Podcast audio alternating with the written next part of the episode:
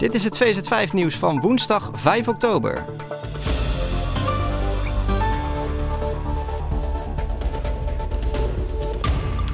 Ajax heeft dinsdagavond in de Champions League een ontluisterende nederlaag geleden tegen Napoli. Het werd 1-6 in de Johan Cruijff Arena.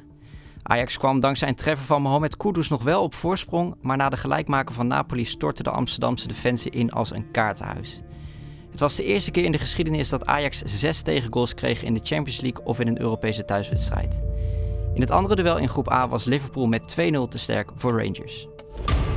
En dan uh, blijven we nog even in de Champions League, want een club waar het een stuk beter mee gaat is Bayern München. De Duitsers wonnen dinsdagavond ook hun derde groepsduel door een eigen huis Victoria Pilsen met 5-0 te verslaan.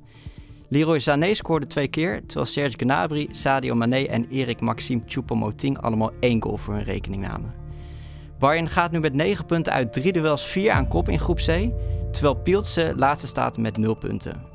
Matthijs de Ligt, Ryan Gravenberg en Nusir Masroui stonden alle drie in de basis bij Bayern. FC Volendam heeft Tyrell Wouter met onmiddellijke ingang geschorst in afwachting van de resultaten van het lopende politieonderzoek. Dat meldt de club op de eigen website. De speler wordt verdacht van aanranding en mishandeling van een 20-jarige vrouw afgelopen zomer in Amsterdam. Tegenover FC Volendam heeft Wouter aangegeven zich niet schuldig te hebben gemaakt aan enig strafbare handeling.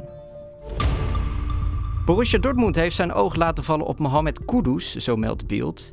De speler van Ajax moet als opvolger dienen van Youssoufa Moukoko, die nog altijd weigert zijn tot volgend jaar lopende contract te verlengen.